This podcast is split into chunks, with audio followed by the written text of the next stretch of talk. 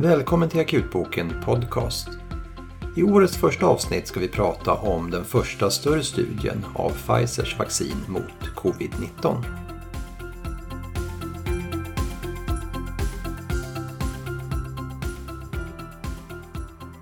Pfizers mRNA-vaccin mot covid-19 godkändes för användning i EU 21 december och är det första vaccinet vi har fått tillgång till i Sverige. Vaccinet består av lipidnanopartiklar som innehåller mRNA som kodar för ett av virusets höljeproteiner, det så kallade spike-proteinet. Den första större studien av vaccinet publicerades nu i december i New England Journal of Medicine och det var en blindad, randomiserad, placebokontrollerad studie där personer som var minst 16 år inkluderades. Personer som tidigare haft verifierad covid-19-infektion eller som behandlades med immundämpande läkemedel exkluderades. I studien inkluderades totalt drygt 43 500 personer, där hälften fick vaccinet och hälften fick placebo.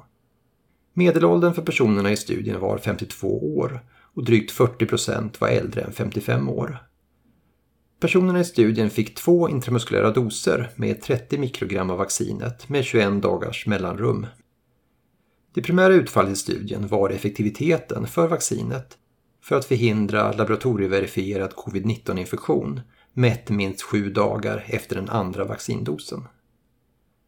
Studien visade att i gruppen som fick aktivt vaccin var det endast åtta fall av laboratorieverifierad covid-19 jämfört med hela 162 fall i gruppen som fick placebo. Detta talar för att effektiviteten för vaccinet var 95 med ett 95-procentigt kredibilitetsintervall på 90-98%. Vid olika subgruppsanalyser talade studien för att vaccinet hade liknande effekt i alla subgrupper avseende ålder, kön, etnicitet, BMI och underliggande sjukdomar. Antalet fall av covid-19 i vaccinationsgruppen jämfört med placebogruppen började minska redan 12 dagar efter första vaccindosen vilket kan tala för att ett visst skydd uppkommer redan tidigt och efter första dosen av vaccinet. Tio personer i studien fick svår covid-19 och av dessa var en patient i vaccingruppen och nio i placebogruppen. Men studien var inte designad för att titta på utfall avseende svår covid-19, varför det inte går att dra några säkra slutsatser av skyddseffekten för svår covid-19, även om trenden talar för att vaccinet sannolikt minskar risken även för detta.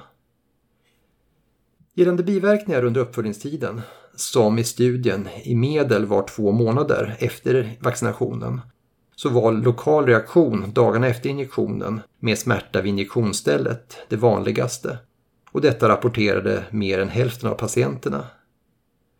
Drygt 50 procent av personerna som fick aktivt vaccin rapporterade trötthet och huvudvärk jämfört med cirka 25 procent som fick placebo.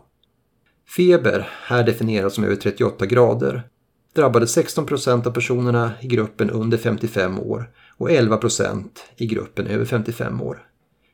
Endast 1 procent fick feber över 39 grader.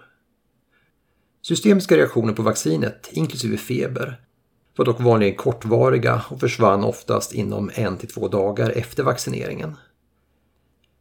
Det var mycket låg frekvens av allvarliga biverkningar och i vaccingruppen rapporteras endast fyra stycken i form av muskelskada i axel orsakad av injektionen, lymfadenopati, ventrikulär arytmi och domning i ben.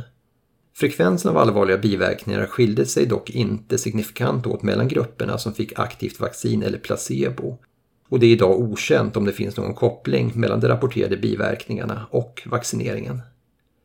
Det var två dödsfall i vaccingruppen och fyra dödsfall i placebogruppen under uppföljningstiden och inga av dödsfallen bedömdes vara relaterade till vaccinationen. Min slutsats av studien är att mRNA-vaccinet mot covid-19 är effektivt för att förhindra infektion och att tillgängliga data talar för att tidiga biverkningar i de flesta fall är lindriga. Studien är dock för liten och uppföljningstiden för kort för att kunna dra några säkra slutsatser om mer ovanliga biverkningar och biverkningar som kan uppstå senare i förloppet. Från andra studier och den erfarenhet som nu finns från användning av vaccinet så verkar anafylaxi och andra allergiska reaktioner vara något vanligare för covid-19-vaccinet jämfört med eh, andra vacciner. Men det finns inga data avseende detta i den aktuella studien. När det gäller diskussion kring biverkningar av covid-19-vaccin så tycker jag det är viktigt att komma ihåg att även covid-19-infektion i sig och speciellt svår infektion innebär en betydande risk för att drabbas av långvariga symptom och komplikationer som här även kan ge bestående men. Även om vaccinet är effektivt för att förhindra symptomgivande covid-19 så vet vi inte hur effektivt vaccinet är för att förhindra symptomatisk infektion eller infektion med mycket lindriga symptom där personen fortfarande kan vara smittsam. Vi vet inte heller hur länge vaccinet skyddar eller om ytterligare doser kommer behövas för att upprätthålla immunitet. Vi kommer därför även fortsatt, tills vi vet mer om vaccinet och dess skyddande effekter, behöva vara hemma och genomgå provtagning vid luftvägssymptom eller andra symptom som inger misstanke om covid-19 på samma sätt som vi gör idag. Även om det kommer dröja innan vi får svar på alla frågor så tycker jag dock att resultatet från den aktuella vaccinstudien är mycket positiva och att resultaten talar för att en bred vaccinering kommer kunna påverka utvecklingen av pandemin.